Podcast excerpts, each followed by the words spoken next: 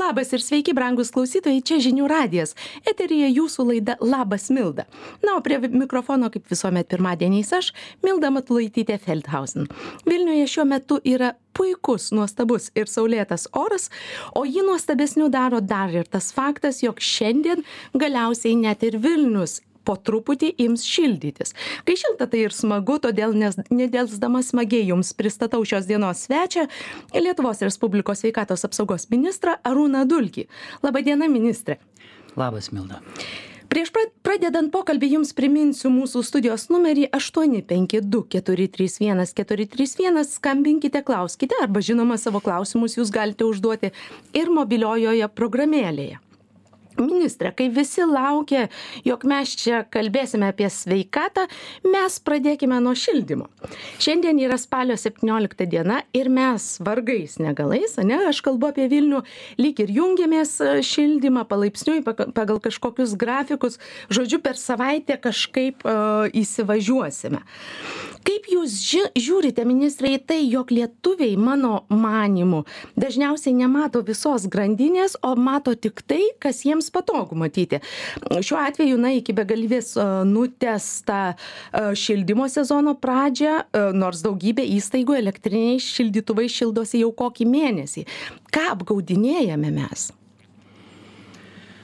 Na apgaudinėti yra būdinga žmogui save mes žmonės juk esam tokie nelabai racionalūs reikia pripažinti. Ir deja tą žmonijos istorija rodo na viena mintis kuri atėjo į galvą tai yra na visą laiką galima pasilyginti. Tai yra mūsų įpročiai. Tarkim kada aš nuvykstu į londoną man ten šalta visur. Na taip londonas turbūt jie jie įpratę ir viešbučiuose ir kitur jie tikrai visai kitaip gyvena negu mes. Mes galbūt sakykim mes esam įpratę turėti tą šil šiltesnę temperatūrą. O skandinavijos šalyse įstaigose organizacijose yra tikrai labai šilta gal sakyčiau netgi šilčiau negu mhm. mes įpratę lietuvoje na o ta jūsų pirminė ta mintis ką mes apgaudinėjame tai čia yra mūsų ta sovietinė patirtis mhm. taigi mes mes juk visą laiką įpratę būdavom kad valstybė nekainuoja valstybė tai yra kažkas kitas o kad tarkim juk niekas neskaičiuodavo kiek kainuoja valstybės tarnautojui pavyzdžiui darbo valanda taip e, tai mes esam linkę kai kurių išlaidų kai kurių kaštų neturėti omenyje. Kai mes nu įsivaizduojame ką tai gali kainuoti. Mes mums labiau dažniausiai yra įprastos tos išlaidos kurias e, įstaigos vyr finansininkas mato tiesiogiai eilutėje. Ryšių paslauga ten sakykim tiek tai apmokėta už šilumą o tie kaštai kurie būna pasislėpę kitose eilutėse na deja mes dažnai jų neįkalkuliuojame tai čia matyt aš sakyčiau gal toks bendras mūsų gal sakykim toks įprotis bet žiūrėkit jisai jisai keičiasi. Lietuva vakarėja. Nesikeičia. Nesikeičia. Septyniolikta diena mes vis dar nesišildom. Ai nu tai čia tada jau žiūrėkit jau jūs per septyniolika dienų norit pokytį pamatyti matyt jam reikia daugiau laiko. Mhm. man labai patiko kad jūs pradėjot šnekėti apie kaštus tai aš dar dar pabaigsiu apie tą šildymą. Um, ir per šildymą aš norėsiu apie ap, kad mes pereitume prie sveikatos sistemos a, apkrovimo. Šalta ane nuo nuo rugsėjo jau kažkada šalta kaip aš jau minėjau iš tikrųjų kur eini matai žmonės žmonės darbuotojai šildosi elektriniais elektriniais e, šildytuvais reiškia mums iš tikrųjų yra šalta. Mes skurstam vargstame tuose e, tuose dar ir šaltuose savo butuose kurie dažniausiai dar būna būna drėgni. Važinėjame dažniausiai iki šiol turbūt ne nešildomu transportu visuomeniniu transportu em tada sergame ane? Tada piktinamės kad mes negauname vietos pas gydytoją ir taip toliau taip toliau. Ar ne laikas jūs paminėjot kad vakarėjame ar ne laikas iš tikrųjų vakarėti ir pradėti gyventi kaip tikri vakariečiai? Suvokti jeigu šalta mes nesišildysime bus drėgna e, mes sirgsime e, per tai apkrausime sveikatos sveikatos apsaugos sistemą ir taip toliau taip toliau. Kad ta grandinė kad kad mes netaupom kad šildymo sutaupymas per na tas kelias dienas nėra vien tik kelių eurų sutau sutaupymas bet kad viskas na turi priežastį ir pasekmę Na, čia yra požiūris į, į gyvenimą. Aš sakyčiau, labai norėčiau atkreipti dėmesį, kad dabar ką sakysiu, tai tikrai nėra kalba vien tik tai apie Lietuvą, sakykime, arba čia gyvenančius žmonės. Man atrodo, yra matomos tendencijos visoje rytų Europoje, kad mes neturime tų tokių įpročių rūpinti savo sveikata. Mhm. Jeigu mes žiūrime, kaip žmonės atliepia, sakykime, valstybė skiria kažkokius tai išteklius kokiai nors prevenciniai programai ir kaip žmonės juose dalyvauja. Tai ar tai būtų dabar buvus paskutinė, sakykime, valstybės ta pagalba skiepais, ane, tai labai aiškiai pasimatė, kad visa rytų Europa labai skiriasi nuo vakarų ir Skandinavijos šalių. Labai stipriai. Ir tada koreliaciją mes matome tada ir su kitomis prevencinėmis programomis. Gali būti, kad tai yra susiję ir su tuo, kaip organizuota sveikatos apsaugos sistema. Mes, rytų šalis, dalis vidurio Europos šalių yra paveldėjusios tą vadinamą tokią, na, sakykime, labiau sovietinius teisės aktus, jų visumą, kada žmonėms nėra skirtumo, ar jis dalyvavo programuose ar nedalyvavo, mhm. jam valstybė kompensuoja lygiai taip pat sveikatos išlaidas, na, sakykime, jis ten gali, kad ir simboliškai susimokėti tą o, mokesčius, sakykime, bet jis pretenduoja į visas paslaugas pilnai, net jeigu jos būtų labai retos ir labai brangios. kaip yra, tarkim, Skandinavijos šalise, daugelįje vakarų šalių, jeigu jūs atėjot pas gydytoją, gydytojas atsivertė jūsų informaciją apie jumis, ne, jūsų tą vadinamą bylą, jūsų gyvenimo aprašą ir mato, kad jūs nedalyvavot kažkokioje tai programoje, kurią valstybė finansavo. Ir dabar jūs turite su tuo susijusių problemų ir jūsų laukia kažkokia sudėtinga operacija, jums bus kita sąskaita. Aha. Ta prasme, ir tai, yra, ir tai labai koreliuoja, tarkim, aš diskutavau ir su, su kitų šalių sveikatos ministerijų komandomis, jie mano, kad tai per daug metų va, tas susiformavęs įprotis Taip. jiems padėjo ir dabar pandemijos metu, mhm. kai, buvo, kai, buvo, kai buvo skiepijama. Jūs tokie labai pozityvi ir šiandien kažkaip išvis čia jūsų visa komanda nuo pat įėjimo mane kažkaip pasitiko visi tokiom šypsenom ir aš, aš manau, kad pa, pabandysiu ir pasakyti, ką mes turime, bet mes ir turime kuo pasidžiaugti. Jeigu mes atsiliekame nuo vakarų šalių, sakykime, nuo skandinavų, galime, sakykime, jos stieptis ir lygiuotis, bet rytų Europoje Lietuva, šituo šitais klausimais arba sveiko gyvenimo arba prevencinių dalykų tuo pačiu skiepijimo klausimu mes atrodom geriausiai rytų europoj Mhm. lietuva yra yra yra yra yra pirmauja tai reiškia pirmas žingsnis geras dabar reikia judėti toliau Toliau. Gerai, ačiū Jums labai už gražius žodžius ir, ir, ir už abipusį jau dabar mūsų pozityvumą. Em, trupučiuką čia Atstatykit dabar dabar. atsta, jo, balansą. Aš buvau kaip tik pasiruošus Jums klausimą, ar lietuviai apskritai e, rūpinasi savo sveikatą. Jūs, na, jau į tai pats atsakėte. Tada aš kitą klausimą turėčiau. Kažkada kai jūsų tuometinis kolega sveikatos apsaugos ministras aurelijus veryga užsimojo reformuoti vaikų mitybą ir aš šio šioje vietoje kalbu konkrečiai apie cukrų cukrų saldainius tada mane iš tikrųjų šokiravo tėvų reakcija. Aš dar buvau ne lietuvoje aš dar kaip tik gyvenau šveicarijoj ir tas per atstumą atrodė dar turbūt baisiau.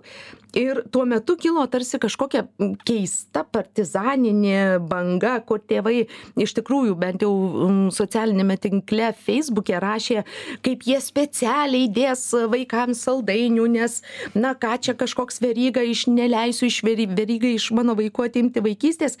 Aš nežinau ar jūs tą atsimenat ar jūs tą pastebėjot bet man iš tikrųjų iš per atstumą tą buvo labai baisu stebėti.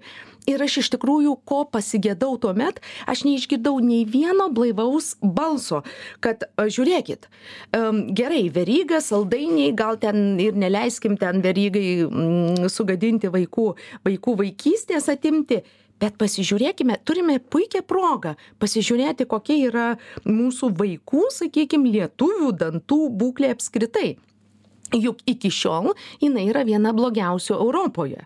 Ir tai buvo tas momentas mano supratimu kaip pasakyt gerai žiūrėk gal iš tikrųjų nereikia mokykloj saldainių nes vaikas neturės jokių galimybių išsiplauti dantų nes mes neugdome e, to ir panašiai panašiai.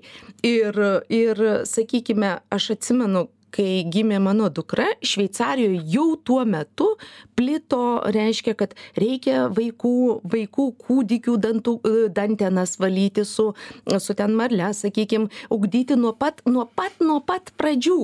Mes vis dar kovojame su pasekmėmis bet ne nesiemam nieko prevencijai. Nu vėl galvoju gyvenimo įpročiai šaknys yra kažkur labai giliai negeneralizuoju šito dalyko bet tarkim tikrai žinau kad žmonės juk save, e, na sakykim, šiai dienai per saldumynus ar, ar tortus ar cukrų, tik daugybę metų sovietmečių mes čia nieko neturėjom.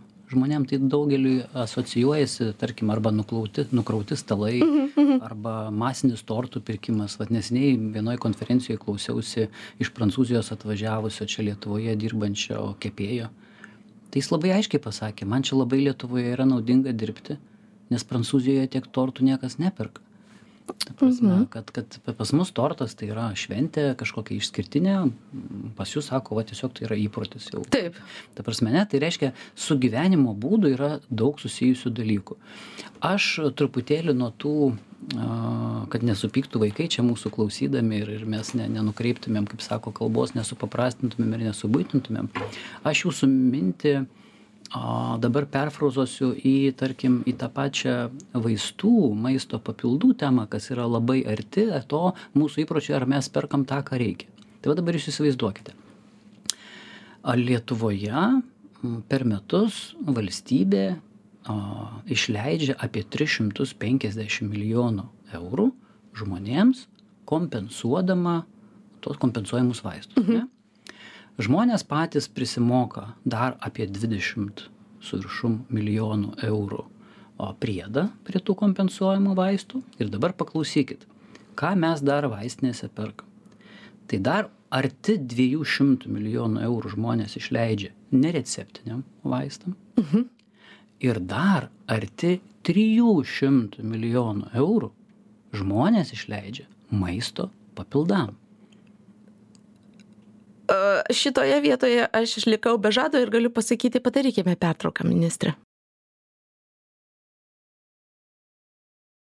toliau tęsiame laidą su lietuvos respublikos sveikatos apsaugos ministru arūnu dulkiu. Na o jūs savo ruožtu nepamirškite jog mums paskambinti galite telefonu aštuoni penki du keturi trys vienas keturi trys vienas arba palikti savo klausimą parašę mobiliojoje programėlėje. Ministre mes pirmąją laidos dalį baigėm su kažkokiais kosminiais skaičiais. Nu nualpot ir aš nualpau jo dabar jau atalpau atgal atalpau atgal.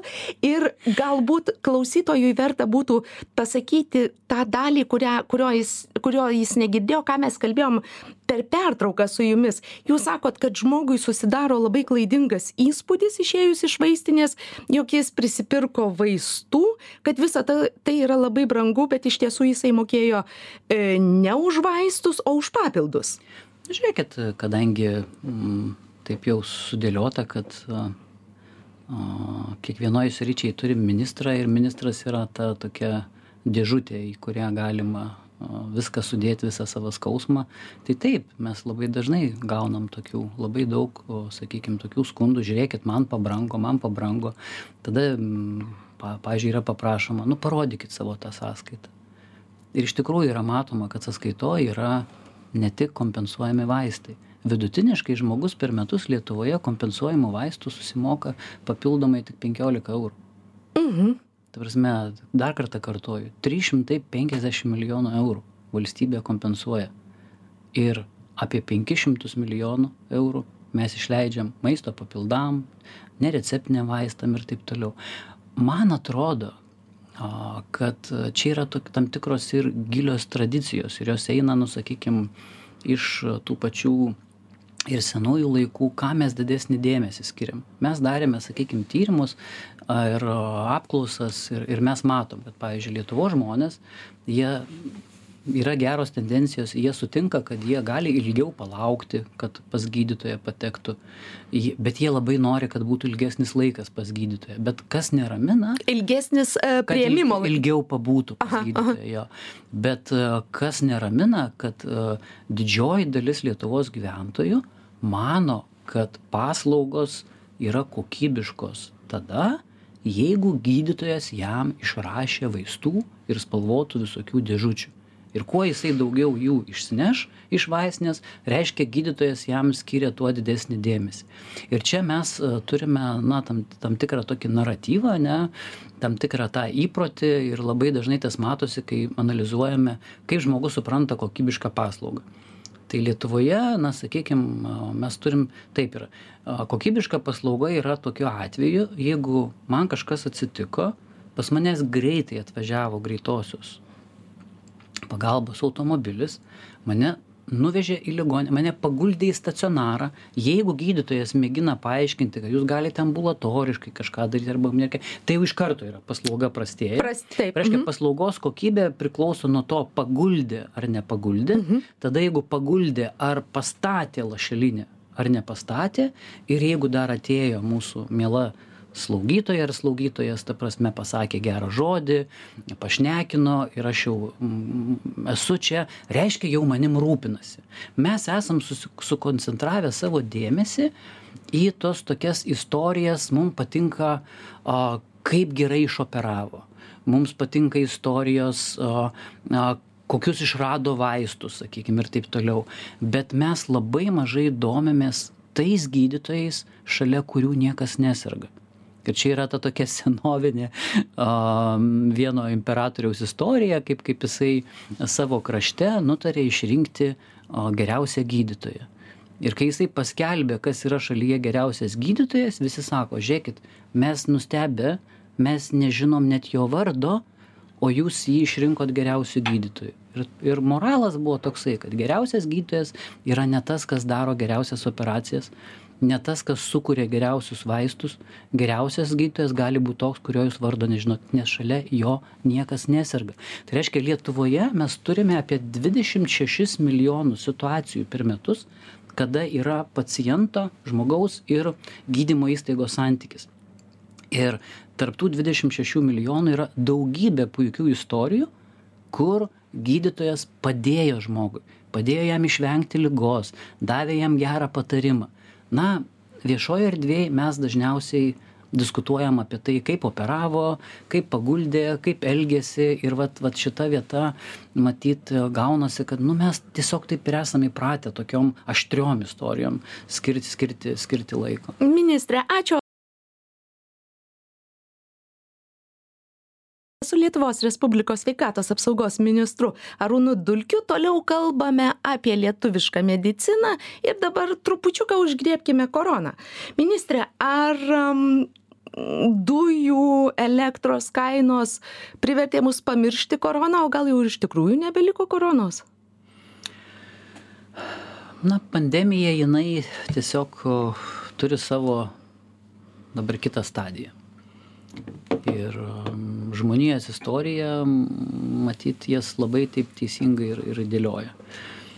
Tai pirmoji stadija, na sakykime, kurios galima pajausti pabaigą, tai yra ta medicininė pandemijos pabaiga, kada žmonėms, mokslininkams tampa aišku, kas yra per virusas, kokios čia jo atmainos, kaip čia su juo kovoti, gauna tos mokslinius atsakymus, kada suveikia sakykim visa logistinė sistema kada žmonės yra aprūpinami pasiskiepiję kritinė masė žmonių tai padaro. Na ir sakykim tokia atsiranda pagrindo kalbėti kad iš medicininio požiūrio mums jau dabar aišku galime čia šitą klausimą uždaryti.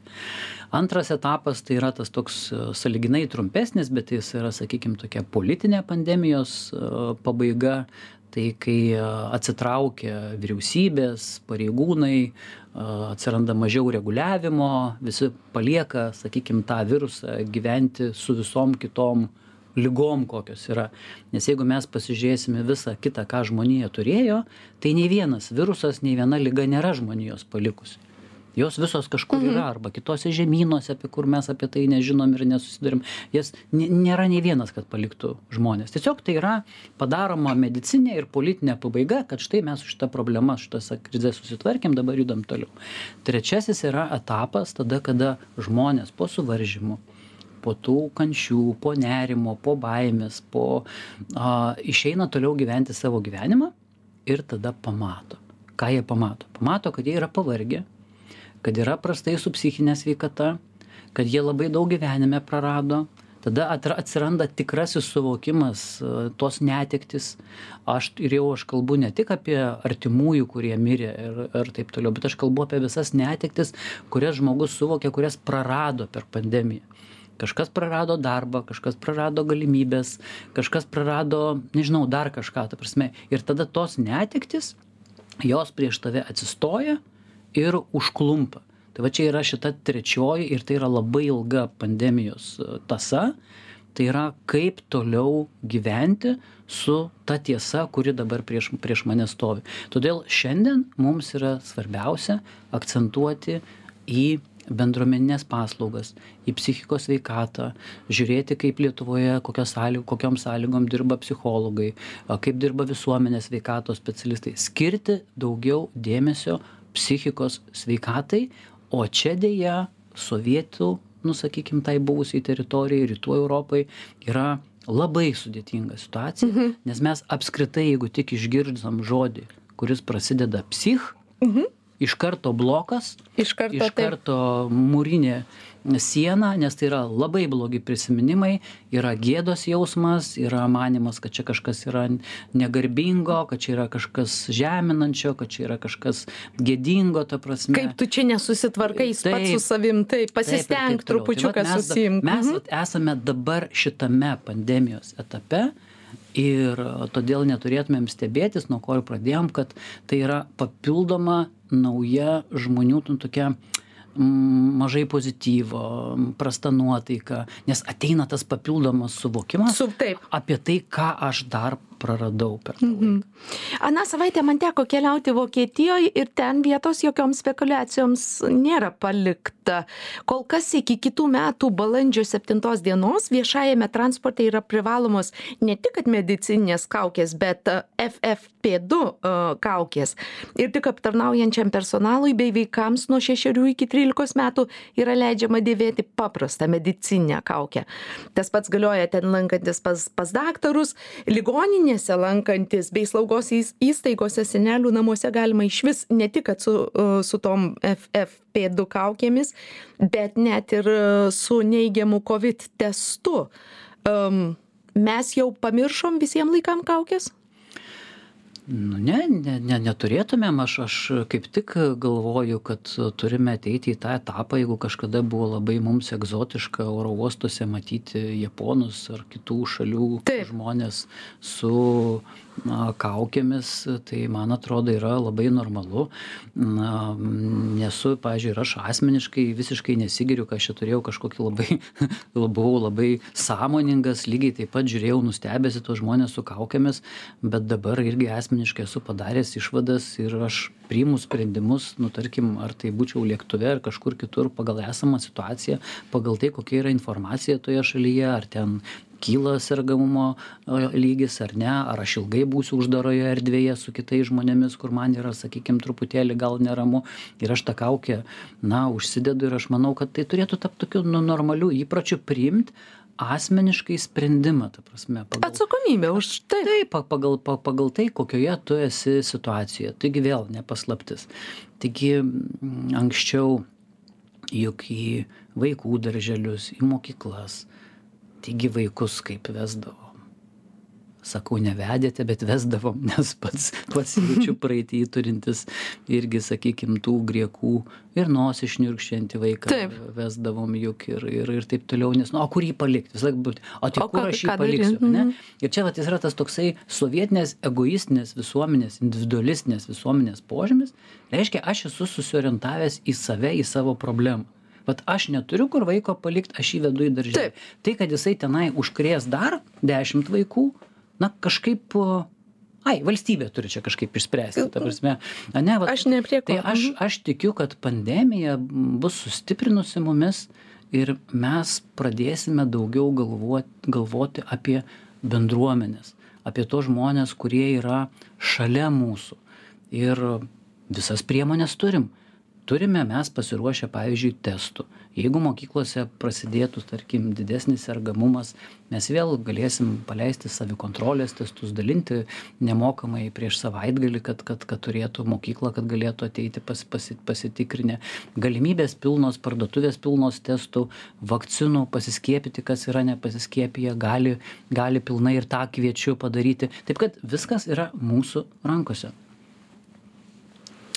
turime dabar ačiū ministre už atsakymus turime skambutį į studiją skambina klausytojas stanislav Stanislava. Stanislava, atsiprašau. Mhm, Labą dieną. Aš, atsiprašau, norėjau keliais klausimais pakalbėti, jeigu leisit savo nuomonę dėl kaukių pasakyti. Gal ten tos kaukės ir gerai, bet žinokit, iškvėptų orų žmogus neturėtų kvėpuoti, nes jis pašalina iš savęs jau bakterijas. Ir dar neaišku kokias taip kad iškvėpti orą aš tikrai prieš kaukes užausiai visokie nutrinti ir taip toliau.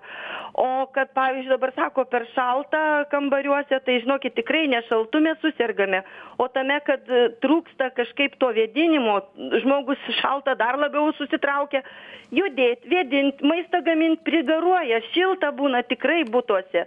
Va tie mūsų kur namuose gyvenam šalti nu tai jau ten kitaip biškį mm Nu, gal tai užteks. Ačiū Jums labai, ačiū. Man atrodo, mūsų pašnekovė čia palėtė labai vieną gerą aspektą, kurį, sakykime, pavydžiu, kad ne aš prisiminiau. labai teisinga pastebėjo, kad apskritai įpročiai vedinti. Taip. Vedinti patalpas mes visą laiką irgi norim kad kažkas pradeda kalbėti čia žinot reikia sumontuot kažkokius įrengimus čia kažkokių reikia daviklių kažkokių monitorių kažkokių bet mes visų pirma neišnaudojam tos elementarios nu sakykim priemonės tai yra vėdinti patalpas vėdinti prieš susitikimą vėdinti po susitikimo ir taip toliau. Na o dėl kaukių ką mūsų čia pašnekovė sakė tai žiūrėkit tai ir kaukės nereikia nešioti visą mėnesį tą pačią kaukę. Reikia ją keisti kas keletą valandų jinai neturi prasmės. Jeigu jeigu jūs kaip sako naudosit aš jau nekalbu apie tai kad buvo medžiaginės naudojamos ir taip toliau. Tai žinoma kad kad kaukė turi būti na švari tvarkinga tada jinai padės. Kaip yra su skiepais? E, šveicarai jau leidžia skiepytis ketvirtuoju skiepu bet kam? Vokiečiai antrąjį busterį arba ketvirtąjį skiepą o adaptuotą omikronui aiškiai rekomenduoja tik rizikos grupėms arba asmenims per šešiasdešim metų e, turintiems taip pat imuninės sistemos problemų nuo penkerių metų. E, kaip yra lietuvoje? Kodėl nieko nesigirdi apie ketvirtąjį skiepą tai lietuvoje yra sudarytos galimybės visiems skiepam galima visiems registruotis na o geriausia pasitarti su savo šeimos gydytoju. Yra nustatyti terminai kiek po kiek laiko rekomenduojamas pirmasis sustiprinti sustiprinantysis skiepas kada antrasis ką daryti jeigu persirgot ką daryti jeigu sirgot pavyzdžiui praėjusiais ar metais iki balandžio ką ką daryti po balandžio nes čia tų visokių buvo a tų potipių omikro pačių įvairiausių. Taip kad tiesiog pasitariant su savo šeimos gydytoju rekomenduoju skiepytis noriu atkreipti dėmesį kad visos problemos kurias mes šiandien turime ligoninėse o jų vis dar yra jos nėra didelės nu palyginus su tuo kaip kaip turėjom bet visos jos yra susijusios su nepasiskiepijusiais žmonėmis. Trys ketvirtadaliai situacijų ar mes kalbame apie mirties atvejus ar mes kalbame apie intensyvią terapiją ir reanimaciją kuri valstybei labai brangiai kainuoja o žmogui dar blogiau kai kainuoja jo sveikatą visur mes turime kad yra apskritai nepasiskiepiję žmonės. Mhm. turime dar vieną klausimą į studiją. Taip kad tiesiog pasitariant su savo šeimos gydytoju rekomenduoju skiepytis noriu atkreipti dėmesį. Mhm. Um, o jų vis dar yra jos nėra. e, turime dar kitą klausimą. Tomas klausytojas klausia ar studijavote pfizer išleistus dokumentus po teismų oi bijau ką atsakyti kas čia yra turima omenyje. Noriu tiktai gal sureaguoti ir pasakyti kad pastaruoju metu medijoje yra pasirodžiusių labai daug ištrauktų iš konteksto kažkokių tai o neaiškios reputacijos politikų išsireiškimų apie tai kad neva kažkur kažką girdėjo ką ten kažkoks pfizer atstovas pasakė ir dabar yra daugybė sakykim kažkokių tai keistų išvadų ir mėginimas yra sugrąžinti vėl abejones tai tais skiepais. Tai aš dar kartą tiktai pakartosiu kad tyrimai tiek jungtinėje karalystėje vokietijoje prancūzijoje italijoje visur parodė kad skiepijimasis labai padėjo mums įveikti šitą pandemiją. Mhm, turime dar kartą tą pačią klausytoją, klausome jūsų. Labadiena, Euristida Gerlėkenė, Lietuvos medikų sąjūdis. Noriu užduoti ministrui klausimą, ar neplanuoja reformuoti e, valstybinių ligonių kasų veiklos, pakeičiant poziciją egzistencinę iš aš geras, tu blogas kada yra žiūrima iš aukšto į medikus ir jie e, laikomi nusikaltėliais, e, darančiais klaidas piktybiškai, vietoj egzistencija e, egzistencinę poziciją aš geras, tu geras ir, ir perėti į partnerystę, vertinant medikų potencialą ir naudojantis jų sukauptom žiniom ir prieš priimant sprendimus, tiesiog konsultuojantis ir atliekant poveikio analizę. Ačiū Jums labai už klausimą taip mūsų vyriausybės programoje buvo numatyta tokia priemonė tai yra reorganizuoti valstybinių ligonių kasų darbą. Šitą klausimą aš dar žinau net nuo tų laikų kai buvau pats valstybės kontrolieriumi žinau tuos auditus ir žinau pagrindą ir argumentus. Šiandien kada jau dirbu ministru ir pamačiau dar iš vidaus ir susidūriau tiesiogiai ir praktikoje, galiu pasakyti, kad būtinai šitą dalyką darysime, reorganizuosime valstybinių ligonių kasų darbą ir su komanda jau tariuosi, kad mes tai padarytumėm netgi anksčiau, nei yra numatyta vyriausybės programoje ankstesniais terminais. O apskritai į visas na, reformas, ką norime, sakykime, padaryti, tai vizija būtų mes turime labai daug gerų gydytojų. Jiems nesudaromos galimybės. Jie skęsta mūsų neefektyviam įstaigų tinkle, skęsta neefektyviuose tada automatiškai biurokratinėse procedūrose ir šitą darysim. Tai taip bus valstybinių ligonių kasų reorganizacija. Mhm. Ministrė, jūs turbūt šitą klausimą gaunat e, bent po kartą per dieną, o jeigu ne, ne daugiau. Aš vis tiek jį užduosiu. Klausytojas Romas, e, skaitytojas Antanas, čia į du, e, du klausimus į vieną pabandysiu suplakti. Klausytojas Romas sako, ministras nėra medikas, tai daug, daugelis atsakymų yra nuvedami kažkur į lankas. Klausytojas Antanas kaip tik sako, kažkaip niekas nepriekaištauja, kad vidaus vidaus reikalų ministrė yra ne policininkė arba krašto apsaugos ministras ne karininkas tačiau kažkodėl dalis gydytojų bendruomenės tikisi sveikatos apsaugos ministro gydytojo.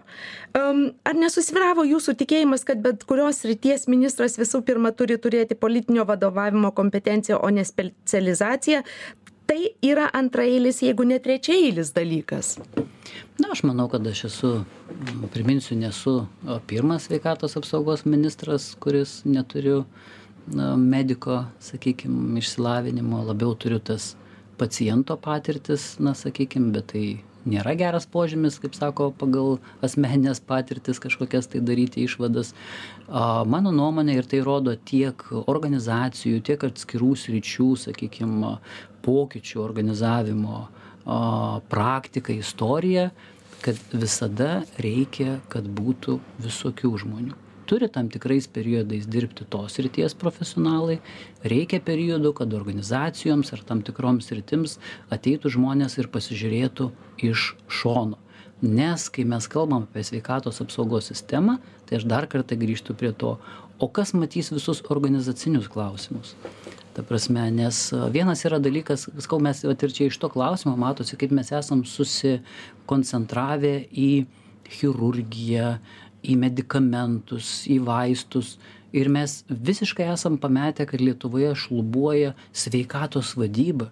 Mes esam pametę kad gydymo įstaigos turi savo vadovus kad tie vadovai turi organizuoti darbą kad jie turi organizuoti darbą taip kad gydytojui būtų kad gydytojas galėtų realizuoti save jam sudaryti atitinkamus darbo grafikus na kelti jo kvalifikaciją sudaryti jam sąlygas kai jisai norėtų dirbti kurti kurti komandas žiūrėti į pacientą kaip į klientą o ne kaip į ligonį.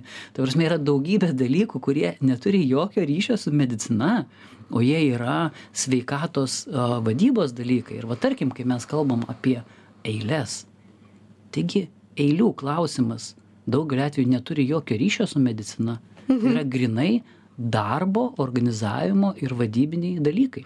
Tai aš galbūt jūs galėčiau čia šitoj vietoj pertraukti. Turiu skaitytojos Juratės Arokienės komentarą, kuris kaip tik į mūsų, į mūsų temą. Jis sako, gydytojo kardiologo ritmologo santar, e, santorose konsultacijos esą ji laukusi tris mėnesius. Apsilankius su e, sužinojo jog prieširdžių virpėjimo abliacijos operacija bus tik du tūkstančiai dvidešim šeštaisiais metais. E, čia jau net ir man skamba labai šiurpiai. Taip, nu tai, tarkim, pasižiūrėkim, tarkim, kur, kur, kur aiškiai matosi mūsų, mūsų, mūsų, mūsų problema. O aš minėjau, yra 26, 26 milijonai, sakykime, situacijų, kada žmogus turi santykį su gydymo, gydymo įstaiga.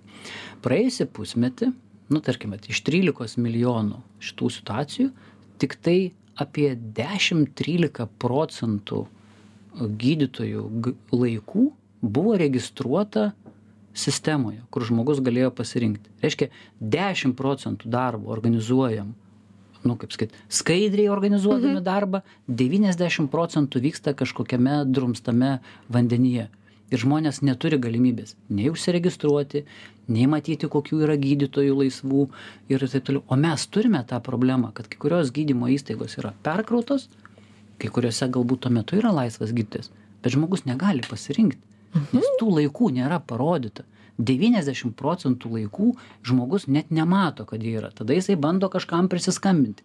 Gydymo įstaigos kai kurios mažos jos neturi tiek žmonių prie telefonų sėdinčių kad galėtų atsiliepti. Tai reiškia ši yra tos vietos kurios ir tai priklauso nuo gydymo įstaigų vadovų. Turime klausimą į studiją. Klausome jūsų. Laba diena laba diena aš norėčiau ministro paprašyt kad kaune Kauno klinikose būtų taip kaip registratūra, kaip Vilniui. Paskambini telefonu, nuspaudi mygtuką ir tave, nu, kokį tau reikalingas gy, nu, gydytojų ten. Gydytojai, tu tave užregistruoja. Nu, Kaune tai tikra bėda, man reikia pas neurologus, turi dukra važiuoti, užregistruoti mane. Ačiū Jums už klausimą. Gerai na tai va viena iš viena iš situacijų kur mes matome kad žmogus susidūrė su ta labai nu sakykim problema kuri nėra medicininė. Tai yra darbo organizavimo dalykas. Todėl mes kaip jį galima pakeist?